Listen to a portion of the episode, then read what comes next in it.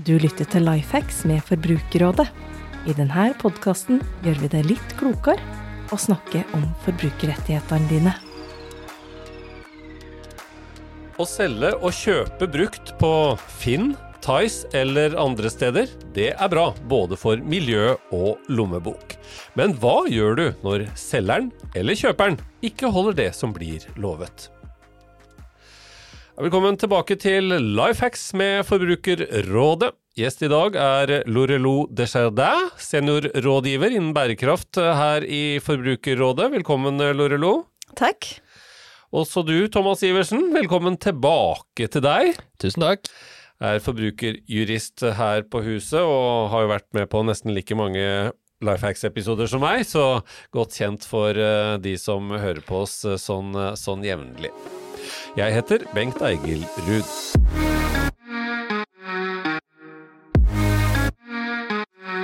Ja, Forbrukerrådet vi heier på bruktsalg og gjenbruk og ombruk, Lorelo. Hvorfor er det så bra at uh, den enkelte forbruker bidrar til disse tinga? Ja, fordi du må tenke at hver gang du kjøper en ny produkt, eller en ny ting, eh, om det er en bil, om det er klær, om det er eh, nytt vaffeljern, da må den tingen produseres, og det er en pris for miljøet. Så det kan være bruk av vann, det kan være materialer, råvarer, eh, forurensning osv.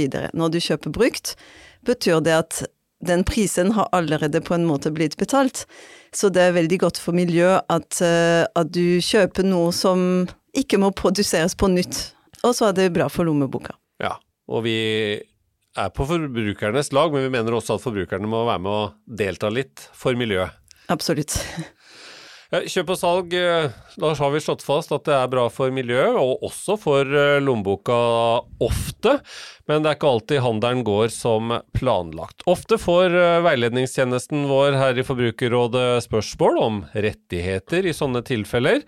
og det er en del uh, erfaring hos oss om harme, sinne og skuffa kjøpere og selgere som ghoster, eller de som tar kontakt med oss, er som regel blitt ghosta i ulike fora som uh, å gi oss tilbakemelding om det, eller vi ser det på Reddit eller TikTok. Først så hadde vi noen antakelser, Thomas, om at det var uh, en del av disse tingene som vi da skjønte av de som henvendte seg til oss, men nå har det teamet som du leder for her i Forbrukerrådet forska litt mer på det. Hva, hva har dere funnet ut? Ja, vi tok faktisk og undersøkte litt nærmere hva som egentlig skjer når en handel havarerer før den egentlig har blitt helt gjennomført. Og det vi fant ut er at fire av ti, både selgere og kjøpere, opplever at etter man har inngått en bindende avtale om et eller annet brukt kjøpt på nett, så trekker den andre parten seg på en eller annen måte. Det vil si at handelen stopper egentlig helt opp, og det blir ingenting av det.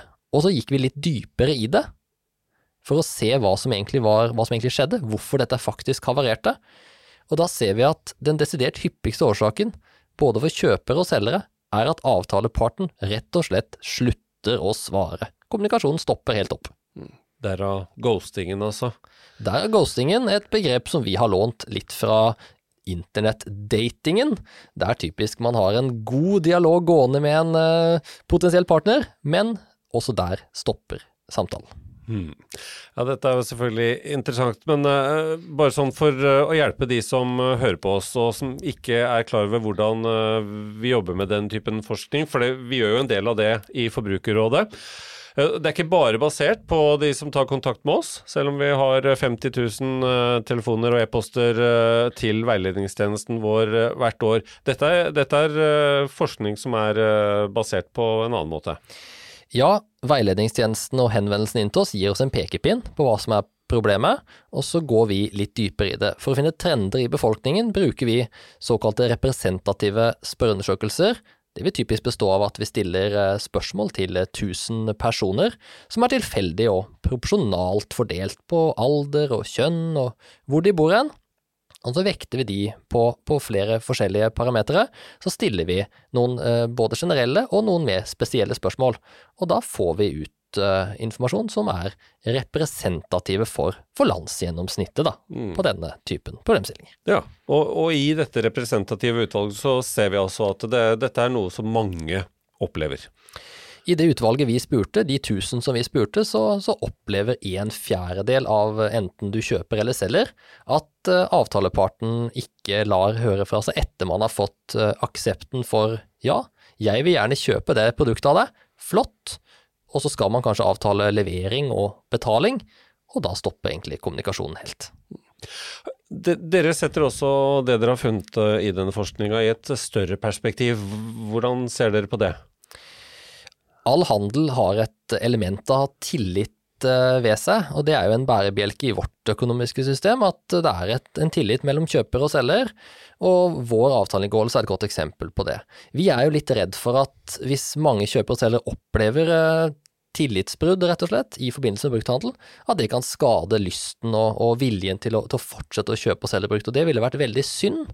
Som Lorelo er inne på, så er det både bra for miljøet og for lommeboka å handle brukt, men da er det også viktig at man, man står for det man sier, enten man kjøper eller selger. Mm.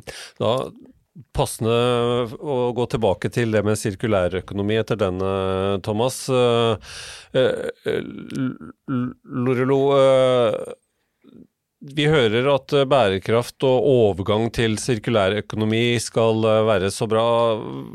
Kan du si noe mer om i dette perspektiv hva sirkulærøkonomi er for noe?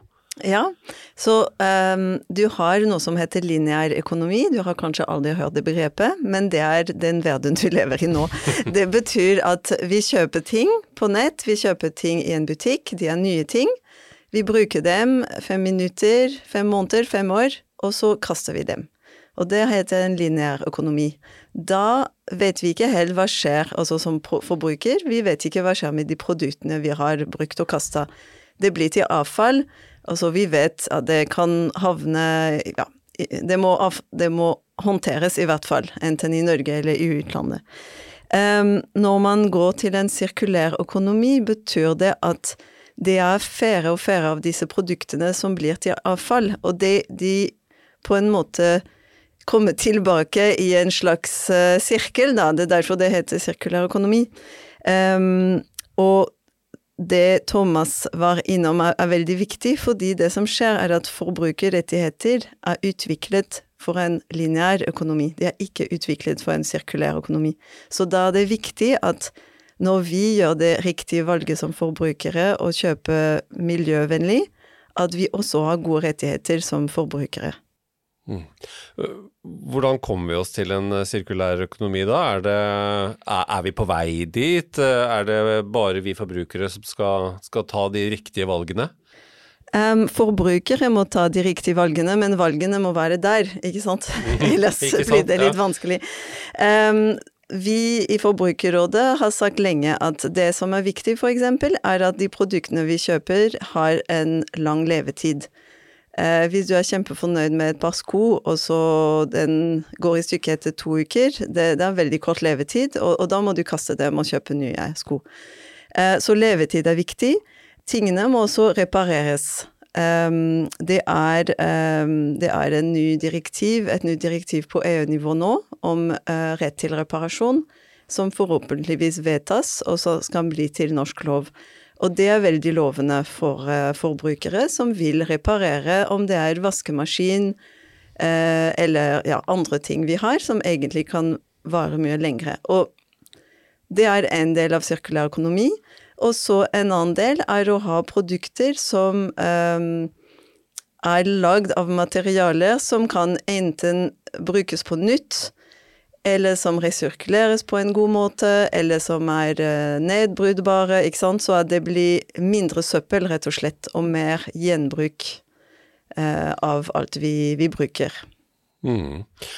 Hvordan henger uh, regelverket med, Thomas, på, på, disse tingene?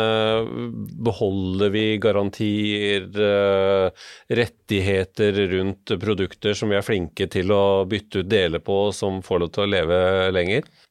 Både ja og nei. Uh, klagefristen på produkter med lang levetid er fem år når du kjøper da en, en næringsdrivende.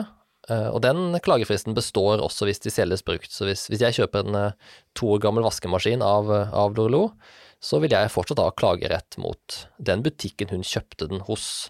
Og det samme gjelder reparasjoner. Hvis du vedlikeholder bilen din, så har du fortsatt muligheten til å klage til selskap eller til verksted hvis det viser seg at enten bilen eller reparasjonen ikke, ikke holder, holder, mål. Så er jo Forbrukerrådet opptatt av at det skal være lett å, å, å reparere, og at eh, det skal være mulig å få til. Innenfor kjøretøyer og sånn så har vi noen uh, regler som gjør at du kan velge verksted helt fritt, men det gjelder ikke for alle typer produkter. Lurilo? Og så er det viktig eh, å tenke på hva som er enklere for forbruket. Det, det må være enkelt for dem å, å, velge det miljøvennlige produkter, så vi har kjempet lenge også for en momsfritak på reparasjon og brukt handel. Og vi har fått en veldig god nyhet eh, fra regjeringen nå for noen uker siden, som sa det skulle bli en utredning av eh, momsfritak i løpet av høsten. Så vi er veldig spent på å høre litt hva som skjer der. Mm. Ja, for vi skjønner jo også at de politiske partiene sier til oss at uh, de ser at noe må gjøres for uh, å få til en sirkulær økonomi, selv om de ikke er helt enige. Men det betyr at uh, gode tanker er der? Ja, gode tanker er her. I Norge har vi en handlingsplan om sirkulær økonomi, men det er litt tregt å komme i gang, ikke sant. Eh, så ja, vi jobber med saken. ja, og, og, det gjør man jo på global basis, selvfølgelig, og det er jo naturlig å se oss som en del av Europa også i denne sammenhengen. Trenger vi politikerne? Eh, det er jo litt ledende spørsmål, for det hjelper ikke om forbrukerne er kjempeflinke. Vi må kanskje ha et regelverk som passer? Ja, selvfølgelig. Vi må ha regelverk som passer. Eh, man må tenke at for de som produserer varer, det er eh, Altså, det koster mer å endre, ikke sant, å endre på måten du produserer ting, endre på materialer. Så det, ja, det må være lover, eh, som for eksempel krever at de har merket levetid på produkter, eh, og så videre. Mm. Og det er eh, nye lover på EU-nivå som kommer, men, men, Norge har også mange muligheter her for å gjøre en sterk, eh, ja, sterke lover her også i Norge. Mm. Så det går an å følge opp på den måten også.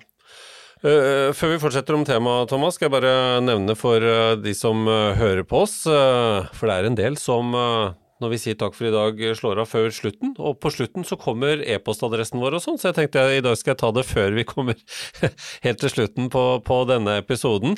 For uh, vi ønsker oss innspill fra dere som uh, hører på. Forslag til spørsmål vi bør svare ut, eller temaer vi kan ta opp. Til, kanskje til og med dere vil foreslå en gjest. Så er det veldig hyggelig om vi hører fra dere på e-post. Vi har en egen e-postadresse her i Forbrukerrådet som heter Lifehack Lifehacks i ett ord at forbrukerrådet.no. Lifehacks krøllalfa forbrukerrådet.no. Veldig hyggelig hvis noen eh, sender eh, litt ris eller eh, ros. Begge deler tas imot med åpne armer. Som vi var inne på tidligere i denne episoden, Thomas, så spiller brukthandelen helt klar en rolle her, og vi krever altså at det finnes litt tillit for at det skal fungere. Hva, hva, hva skal Forbrukerrådet gjøre for å rette i at uh, så mange bryter disse bindavtalene? Ja, Det er ikke helt lett å vite hva vi skal gjøre for noe i første omgang, men litt informasjon til, eh, til, eh, folk er nok ikke dumt. Og jeg tror nok veldig mange ikke er helt klar over at de har inngått en bindavtale når de på en chat på enten Finn eller Tice sier at du, jeg vil gjerne kjøpe den her av deg, jeg og så sier selger ok. Det er faktisk en bindende avtale, og da er du egentlig forplikta til å betale og ta imot varen. Når du da velger å bare ikke svare noe mer, så, så bryter du egentlig en bindende avtale. Så det tror jeg folk ikke er helt bevisst på, og mye kan kanskje løses av at man tar en liten vurdering til før man uh, sier at man uh, tar den, kjøper den, og tenker gjennom. Trenger jeg det her? Er det her det jeg vil ha? Og så videre. Og så, uh, og så slå til. la det gå litt tid. Og selv om, og som fra selgesiden, hvis du får et bedre tilbud etter du har eh, akseptert noe annet, så er det synd. Så er du også bundet av det du har akseptert. Så er du bundet. Og da er det selvfølgelig kjipt, men sånn er det noen ganger. Jeg har et spørsmål, Thomas. Nå er jeg ikke bærekraftsrådgiver, jeg er en forbruker som har kanskje, eller kanskje ikke ghosta folk på Finn. Og jeg bare lurer på en ting. Hvis jeg går inn i en butikk og sier jeg vil gjerne ta den, og så fem minutter senere, og så de sier ja, du kan få det produktet, og så fem minutter senere før jeg betaler, sier jeg nei, vet du hva, jeg vil ikke ha den likevel, og så ga jeg ut av butikken. Hvordan er det annerledes fra å gjøre det på Finn, og så kan du, kan du ikke bare trekke interesse ved å si jeg er ikke interessert lenger, og avslutte den det forholdet? Ja, det er jo helt klart en glidende overgang hva som er dialog og hva som er en bindende avtale. Men uh, i, i, veldig mange tilfeller så, så er jo en dialog mellom en kjøper og selger på Finn har et veldig sterkt element av uh, det vi kaller tilbud og aksept. Der uh, aksepten til slutt fra den ene parten ender med en bindende avtale. og det kan være, gå ganske raskt og være en ganske kjapp utveksling. Uh, og da er du bundet. Men det kan selvfølgelig være gråsoner her, der man egentlig bare har hatt en, en prat og gitt inntrykk av at man, er interessert. Og da er det selvfølgelig lov å trekke seg. Men når man liksom har gitt klart inntrykk for at denne her kjøper jeg, da er det ikke nødvendig å betale for at avtalen er bindende. Det er gjennomføringen av avtalen, og ikke avtaleinngåelsen. Så er det ganske tydelig når vi har akseptert begge veier, egentlig på, på norsk, så veit vi litt uh, hva som er en aksept. Man vet egentlig det litt innerst inne, uh, men en butikk er litt annerledes, for der kan du gå rundt og putte ting i handlekurven din og ta det ut igjen og sånn. Ja. Det er ikke sånn at de som jobber i dagligvarebutikken sier at du må putte den sjokoladen opp i kurven igjen hvis du legger den fra deg. Mm. Men det er ikke at du legger den fra seg på riktig sted, da. Ja, da fikk du svar på det på tampen her, Lorlo. Takk for at du var med og gjorde oss litt klokere om eh, sirkulær økonomi og bærekraft. Takk til deg, Thomas, for å bringe dette viktige temaet til torgs. Takk til deg som hørte på. Igjen så må jeg si, husk å abonnere, så får du beskjed når det kommer nye episoder. Takk for i dag. Takk for at du hører på Lifehacks. Du får nye episoder fra oss annenhver uke. Abonner gjerne, så får du nye episoder der du liker å høre dem. Hvis du vil komme i kontakt med oss for ris og ros, eller vil dele din beste lifehack, send oss en e-post på lifehacks.forbrukerradet.no. For andre forbrukerhenvendelser er det de vanlige kanalene som gjelder. Du når våre forbrukerveiledere via kontaktinformasjon du finner på forbrukerrådet.no.